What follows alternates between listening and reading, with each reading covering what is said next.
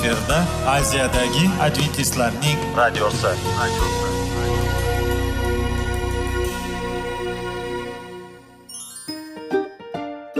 Assalomu alaykum aziz radio tinglovchilar. Sog'liq daqiqasi rubrikasiga xush kelibsiz. Zero tananing sog'lom bo'lishi va uning kasalliklardan saqlash har bir insonning burchi hisoblanadi.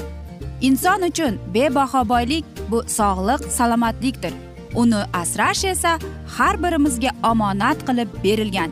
Shuning uchun ham inson o'z sog'lig'ini ehtiyot qilishi va ajib amallardan hisoblanadi.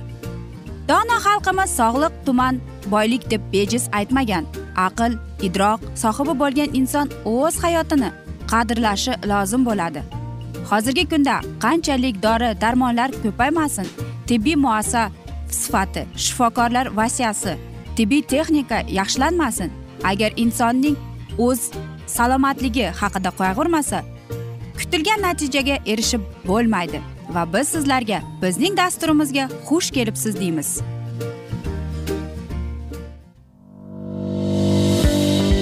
Sog'liq daqiqasi soliqning kaliti qiziqarli ma'lumotlar faktlar. Har kuni siz uchun foydali maslahatlar. Sog'liq daqiqasi rubrikasi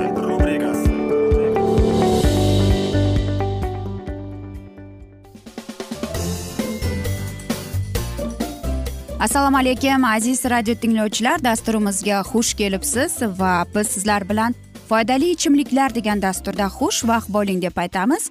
Va bugungi bizning dasturimizning mavzusi bepushtlik deb nomlanadi. Albatta hozirgi davrda hozirgi asrda judayam ko'p e, mana shunday sabablar bo'lyapti. Ko'p oilalar bepusht bo'lib yoki farzandi yo'q bo'lib buning sabablari nima? Nega mana shunday bo'lyapti? Keling bugungi bizning dasturimiz aynan mana shu. Va qanday sizlarga ichimliklar yordam beradi? Bepushtlik bu tug'maslik tug'dira olmaslik voyaga yetgan organizmning nasl avlod qoldirishga ojizligi. Bir maromda ya'ni normal jinsiy hayot kechirib bo'yida bo'lishdan saqlanish vositalari ya'ni kontr e, kontrasepsiyadan foydalanmay kamida ikki yil birga turib farzand ko'rmaslik bepushtlik hisoblanadi. Bepushtlik erkaklarda ham ayollarda ham uchraydi. Erkaklardagi bepushtlik to'g'rida olmaslikka jinsiy a'zolarning tug'ma nuqsoni yalliqlanish kasalliklari yoki ularning shikastlanishi jinsiy maylning so'sligi shuningdek endokrin tizim faoliyatining o'zgarishi urug' suyuqligi ya'ni spermada spermatozoidlar jinsiy hujayralar bo'lmasligi yoki ularning urug'lantira olish xususiyatining yo'qligi sabab bo'ladi. Ayollardagi bepushtlik tug'maslik va bachadon tuxum yo'llari tuxumdon va nayralarning yalliqlanishi so'zak jinsiy a'zolari sili ichki sekretsiya bezlari tuxumdon qalqonsimon bez e, bo'yrak usti bezi va boshqalar. Faoliyatining buzilishi balog'atga yetish davrida infeksion kasalliklar bilan og'rish natijada markaziy nerv tizimida ro'y bergan jiddiy o'zgarishlar jinsiy a'zolarning yetilmay qolishi infatalizm sabab bo'lishi mumkin. Yalliqlanishi tufayli bachadon nayralarning bitib qolishi teshigining juda torayib ketishi sababli ayol tuxum hujayrasi erkak jinsiy hujayrasi ya'ni spermatozoid bilan uchrasha va urug'lana olmaydi yoki urug'langan tuxum hujayraning bachadonga o'tish qiyinlashadi. Bu kasallikda er va xotin tibbiy ko'rikdan o'tkaziladi. Bepushtlikni iloji boricha barvaqt aniqlab sabablari bartaraf qilinsa yaxshi natijaga erishish mumkin. Bepushtlikni shifokor davolaydi.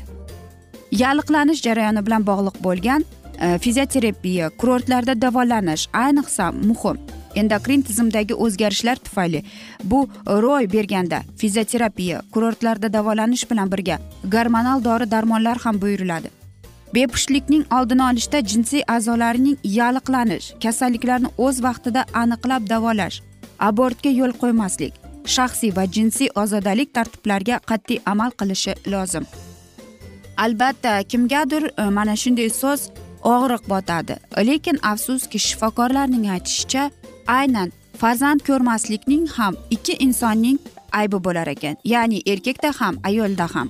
Shuning uchun ham agar er xotin Э, ularda doimiy jinsiy aloqa bo'lib turib lekin ikki yil mobaynida ular farzand ko'rmasa demak shifokorlarning aytishicha bu bepushtlik deb hisoblanar ekan. Lekin bilasizmi e, bu muammo emas hozirgi zamonda. Chunki e, har bir ona har bir qiz har bir ayol ona bo'lish va odobli farzandlarni tarbiyalash bu eng katta orzusi hisoblanadi. Lekin ko'plab e, savollar beradi. Qanday holatda ayollarda bepushtlik tashxisi qo'yiladi deb. Nikohdan so'ng bir yil ichida homilador bo'lmasa bu bepushtlik tashxisi qo'yilar ekan. Qarangki albatta agar ayol kishi dorilarni ichmasa aziz do'stlar bilasizmi tabiat bizga o'z mevalaridan sabzavotlaridan ko'katlaridan bergan. Lekin qarang homilador bo'lish uchun juda ko'plab vitamin va mikroelementlar kerak ekan. Selen va vitamin e. Bu eng asosiy ya'ni ona bo'lishning eng asosiy mikroelementlari hisoblanadi. Va bu qaysi mevalarda qaysi sabzavotlarda bor deysiz? Bu albatta e, brazil yong'oqda bo'ladi. Va qarang yana avokado va biz sizlarga aziz do'stlar o'tgan galgi dasturlarda o'qib eshittirgan edik bu o'zingiz bug'doy o'stirish mana shularda ham. Chunki ularda eng ko'p vitamin e bor ekan vitamin b bor ekan yana apelsin sharbati. Qarang bizga avokado e, brazil yong'og'i va apelsin sharbati kerak va mana shu ikki dona osh qoshiq bizga o'stirilgan bug'doy kerak va albatta limon sharbati. Bularning hammasini siz maydalab ayniqsa yong'oqda maydalab keyin blenderga solib va asta sekin siz o'zingiz Э, mana shu narsaga blenderga solib buni iste'mol qilishingiz kerak. Ya'ni aziz do'stlar qarang. Albatta aytmoqchimizki umidni so'ndirmang. Hamma narsaning ham ilojisi bor. Lekin aynan mana shunday sharbatni siz iste'mol qilib e, siz o'zingiz e, mana shularni tayyorlasangiz bu sizdagi yetishmagan e, vitamin mikroelementlarni to'liq e, yozishga va sizni to'ldirishga yordam beradi. Va albatta aziz e, er xotin va turmush o'rtoqlar unutmang shifokorga borish eng yaxshi usuldir. Biz chunki shifokor emasmiz e, olimlar emasmiz biz e, shunchaki sizlarga tabiatdan berilgan meva va sabzavotlar qanday bizga foyda keltirishi qanday qilib siz mana shunday e, smuzi va sharbatlar iste'mol qilishingiz mumkin. Aynan mana shu smuzi bepushtlikka yordam beradi deb aytishadi va mana shu smuzini sizlarga maslahat berib o'tamiz. Aziz do'stlar lekin uni qabul qilish qilmaslik bu sizning qo'lingizda. Va aziz do'stlar aytishadiki hamma yaxshi narsaning ham yakuni bo'ladi degandek afsus bizning dasturimizga ham yakun kelib qoldi chunki vaqt birozgina chetlatilgan. Lekin keyingi dasturlarda albatta mana shu mavzuni yana o'qib eshittiramiz. Va sizlarda savollar bo'lsa biz sizlarni salomat klub internet saytimizga taklif qilib qolamiz. Va umid qilamizki sizlar bizni tark etmaysiz deb chunki oldinda bundanda qiziq va foydali dasturlar kutib kelmoqda va biz sizlarga va oilangizga sog'lik salomatlik tilab xayrlashib qolamiz.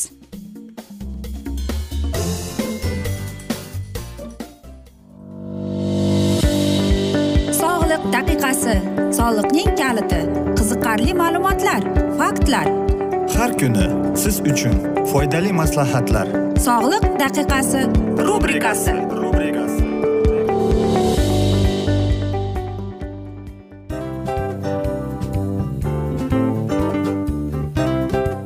mana ha hayotda hamma narsaning yaxshi narsalar tugaydi va yakunlaydi degandek bizning dasturimizga ham yakun keldi. O'ylaymanki bizning dasturimiz sizga foydali bo'ldi deb aziz radio tinglovchimiz. Va siz o'zingiz uchun kerakli xulosalar kerakli maslahatlar olib oldingiz. Aziz radio tinglovchimiz biz bilan qoling va keyingi dasturlarimiz albatta undanda qiziqroq bo'ladi. Mana shu alfozda sizlar bilan xayrlashib qolaman.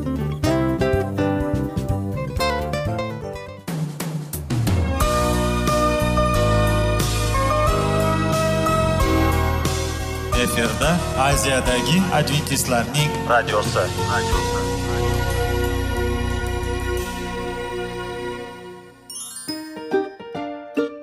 Assalomu alaykum aziz radio tinglovchilarimiz. Dil izhori dasturimizga xush kelibsiz. Pul insonni baxtli qiladimi? Albatta yo'q. Sog'liqchi. Albatta bo'lishi mumkindir.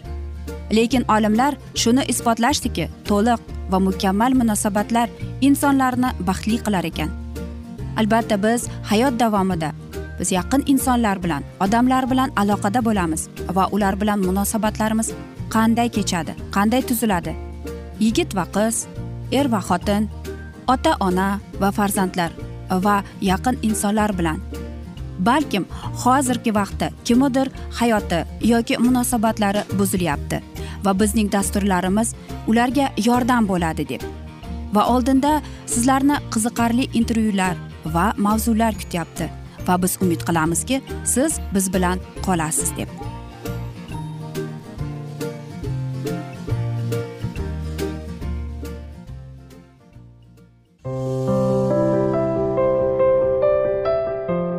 Kuni har xil kasbdagi odamlar bilan sirlashish va bo'lishish sevgi rashq munosabat bularni hammasi dil izhori rubrikasida.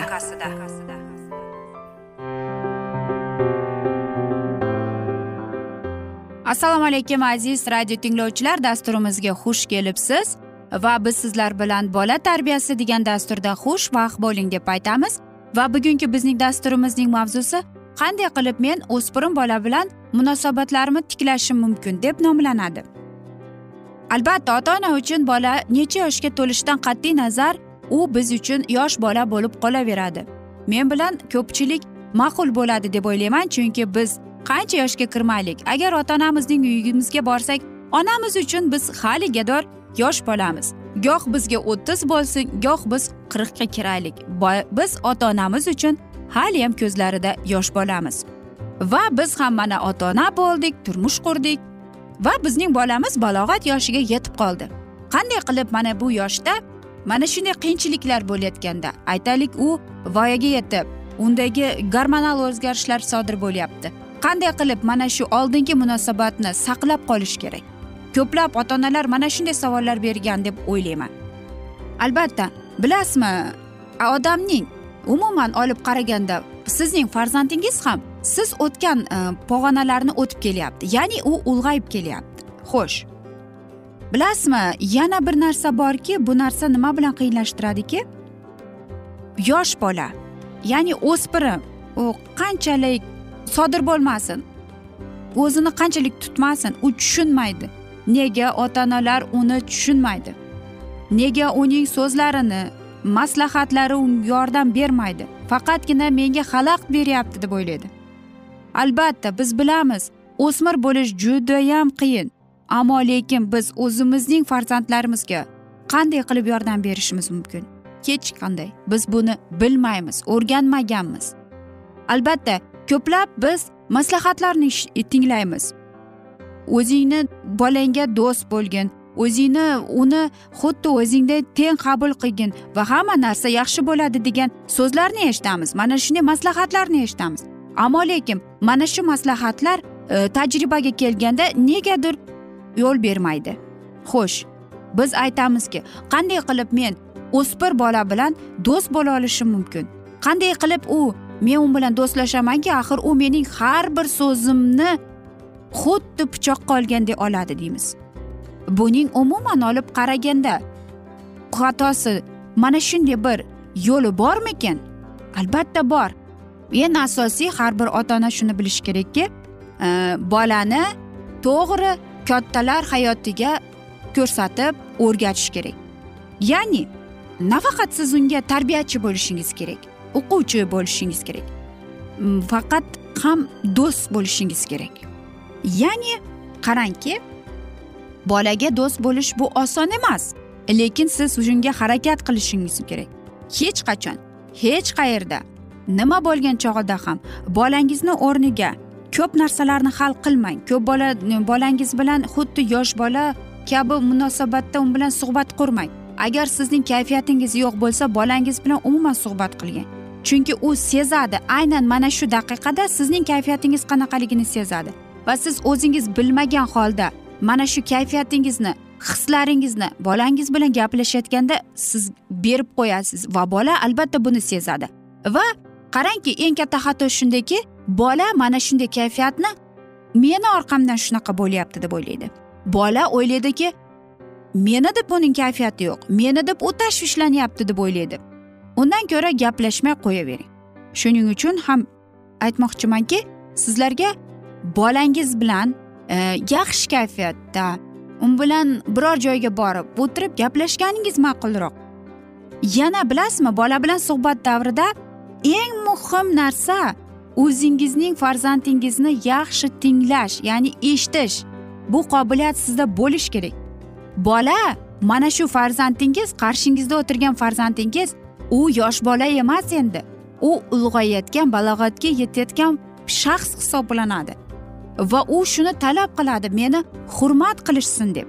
Aziz do'stlar shuning uchun ham ota ona o'zining o'spirin bolasini eshitayotganda u yaxshilab ota ona tinglash kerak va yo qarshingizda o'tirgan bolani aziz ota onalar shuni unutmang qarshingizda o'tirgan bola u yosh bola emas. Ulg'ayib balog'atga yetib e, jismonan o'zgarib E, fikrlari xayollari o'zgarib u katta bo'ldi. Shuning uchun ham bolangiz bilan to'g'ri kattalardek gaplashgandek gaplashing. Va hech ham unutmang siz farzandingiz uchun do'stsiz birinchi o'rinda. Bilasizmi e, har bir bolangiz bilan o'tkazgan vaqtini qadrini yeting. Ko'proq ko'chaga chiqing sayrlar qiling. Э, ko'proq oilaviy mana shunday o'tirishlarni qo'ying. Va qarayapsizki sizning farzandingiz sizga guldek ochilib o'zidagi muammolar bilan bo'lishadi. Chunki sizning vaqtingiz eng yaxshi sovg'adir ayniqsa sizning bolalaringiz uchun. Va albatta birozgina hazil bilan ham o'tkazib yubormang. Bilasizmi hazil qilsangiz ham unutmang. Eng yaxshi kulki bu stressdan bizga doridir. Aziz do'stlar aziz ota onalar mana shunday sizlarga chiroyli va ijobiy sizlarga maslahat. Men o'ylaymanki mana shunday davrlarda mana shunday oilaviy o'tirganingizda sizning o'spirin farzandingiz mana shunday oiladagi muhitni ko'rib u tinch va albatta psixologik tarafdan judayam baxtli odam bo'lib ulg'ayadi. Va aziz do'stlar hamma yaxshi narsaning ham yakuni bo'ladi degandek bizning dasturimizga ham afsus yakun kelib qoldi chunki vaqt birozgina chetlatilgan. Lekin keyingi dasturlarda albatta mana shu mavzuni yana o'qib eshittiramiz. Va umid qilamizki siz bizni tark etmaysiz deb chunki oldinda bundanda qiziq va foydali dasturlar kutib kelmoqda sizni deymiz.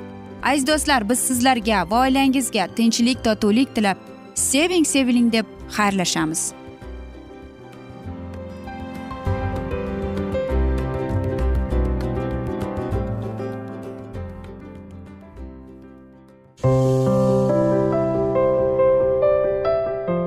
Kuni har xil kasbdagi odamlar bilan sirlashish va bo'lishish sevgi rashq munosabat bularni hammasi dil izhori rubrikasida. Mana aziz radio tinglovchimiz bizning go'zal va foydali va chiroyli dasturimiz yakunlanib bormoqda. Sizlarga birozgina maslahat berib o'tmoqchi edik. Bir biringizni seving. Qadringizga yeting. Va erkalang albatta bir biringizni va sizga judayam chiroyli va mustahkam munosabatlar tilab qolamiz albatta. Sevgilingiz doimo yoningizda bo'lsin. Mana shu borada sizlar bilan xayrlashib qolamiz. Xayr.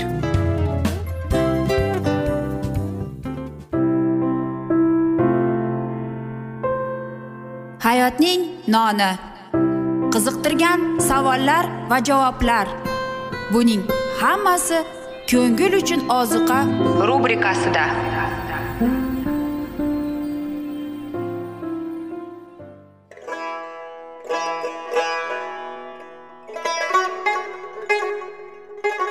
Assalomu alaykum aziz radio tinglovchilarimiz. Ko'ngil uchun oziqa rubrikasida xush kelibsiz deymiz. Siz haqiqatni izlayapsizmi? Olamnimi? Umidnimi siz kimga murojaat qilmoqchisiz? Odamlar ko'pincha siyosat kuchiga tayanadilar. Dunyo iqtisodiyoti holati tobora chuqurlashib bormoqda. Tabiiy ofatlar va texnogen halokatlar minglab insonlarning hayotini olib ketib juda katta zarar yetkazmoqda. Sizga abadiy hayot inomini hadya qiluvchi va hayotingizni tubdan o'zgartiruvchi haqiqatni izlab toping. Xudo haqidagi haqiqat uning kalomida mujassamlashgan. Kimki bu haqiqatni butun qalbi bilan izlasa albatta unga yetishadi. Bu sevgi xudoning tarixidir. Hayotingizda yoki sizning yon atrofingizdagi olamda nimalar yuz berishidan qat'iy nazar? Siz ertagi kunga buyuk umid va ishonch hosil qilishingiz mumkin. Hozirda xudo sizga taklif qilayotgan umid ishonchga o'z qalbingizni oching va sizni qiziqtirayotgan mavzularni savollaringizga javoblaringizni topib olasiz deb umid qilamiz. Biz bilan qoling.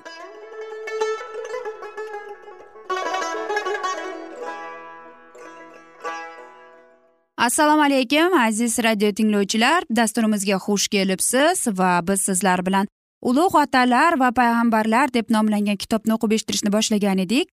Va bugungi bizning dasturimizning mavzusi qo'lga kiritish rejasi deb nomlanadi va biz sizlar bilan o'tgan galgi mavzuni bugun davom ettiramiz. Bo'layotgan kurashda quyidagi savol aniqlashishi lozim bo'ldi. Ilohiy farmon qoidalari haqiqatdan kamolsiz va o'zgartirishlari kerakmi yoki ular benuqson va tebranmasmi? Shayton osmondan ag'dirilgandan keyin u yerni o'z saltanati qilish niyatiga keldi. Odam va havoni vasvasaga solib va g'olib chiqib u o'z nishonimga yetdim deb o'yladi. Chunki ular hiylagarning so'zi bo'yicha uni o'z egasi qilib sayladilar. Gunohkorda kechirilishi uchun imkoniyat yo'q deb isbotlardi. Va shuning uchun endigina odamlar unga tegishli bo'lib qoladilar va dunyo uning shaxsiy mulkiga aylandi.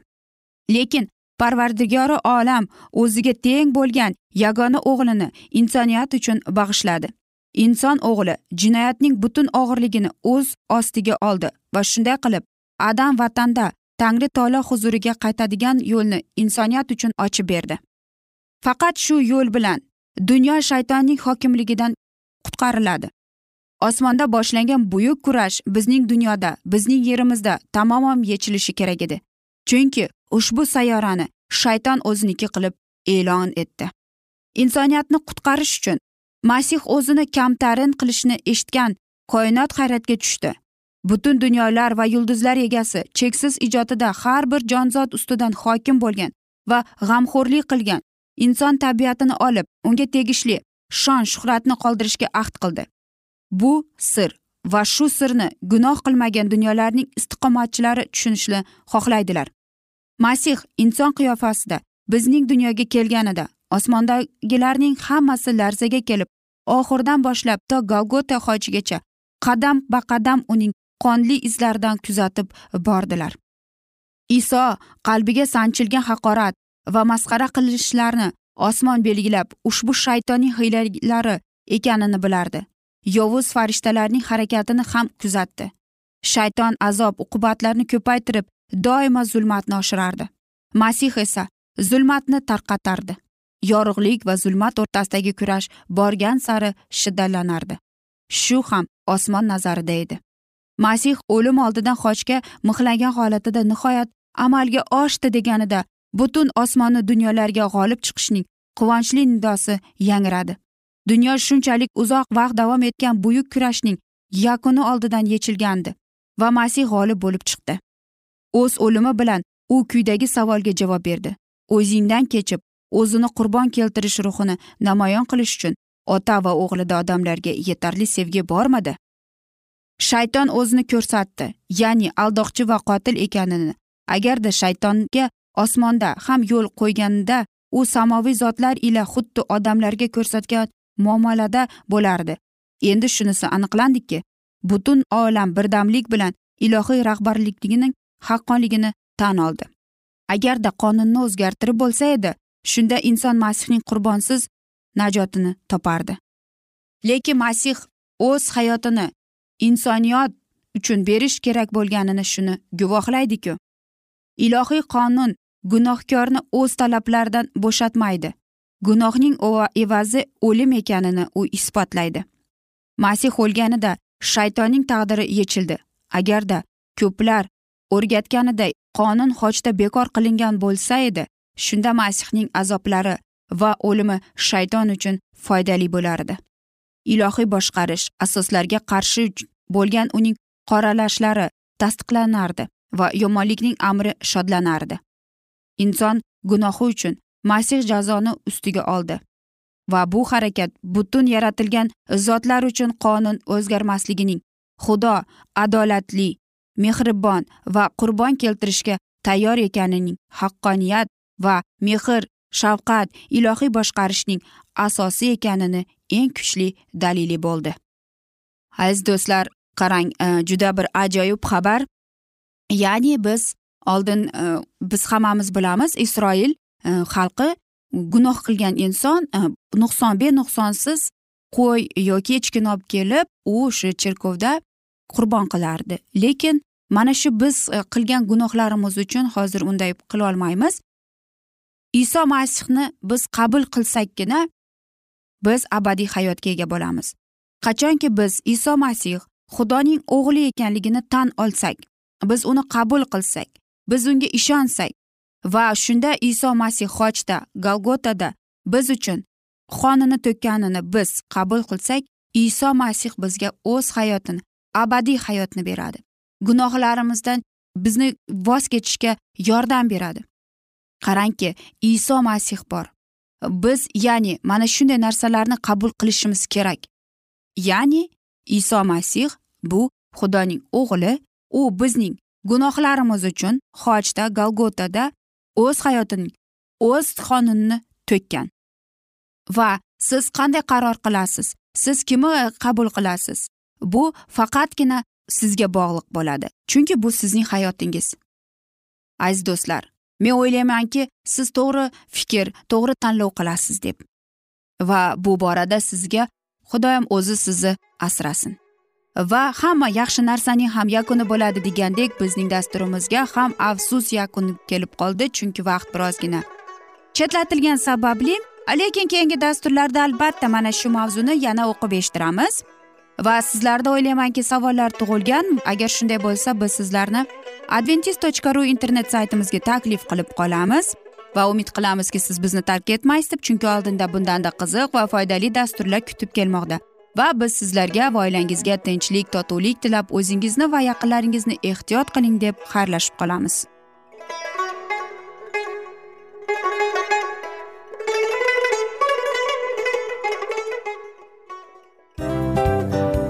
Hamma narsaning yakuni bo'ladi degandek afsuski bizning ham dasturlarimiz yakunlanib qolyapti. Va biz o'ylaymizki bizning dasturimizdan o'zingiz uchun kerakli va foydali maslahatlar olib oldingiz. Sog'liq borasida sizga foydali maslahat berganmiz deb umid qilaman albatta. Va sizlarga mana shu borada sog'liq tilab qolaman. Munosabatlarga kelganda esa sizlarga sevgi omad va albatta yaxshi munosabatlar tilab qolamiz. Uchinchisiga kelganda esa bu juda chuqur va e'tiborli nazarni qumsaydi. Va sizlarga mana shu yaxshilik kayfiyatda sizni kayfiyatingizni ko'targan holda sizlar bilan xayrlashib qolaman afsuski. Ammo lekin keyingi dasturlarimiz undanda qiziq bo'ladi. Va siz biz bilan bo'ling. Bizni tanlaganingiz uchun sizlarga rahmat. Omad sizlarga. Xayr.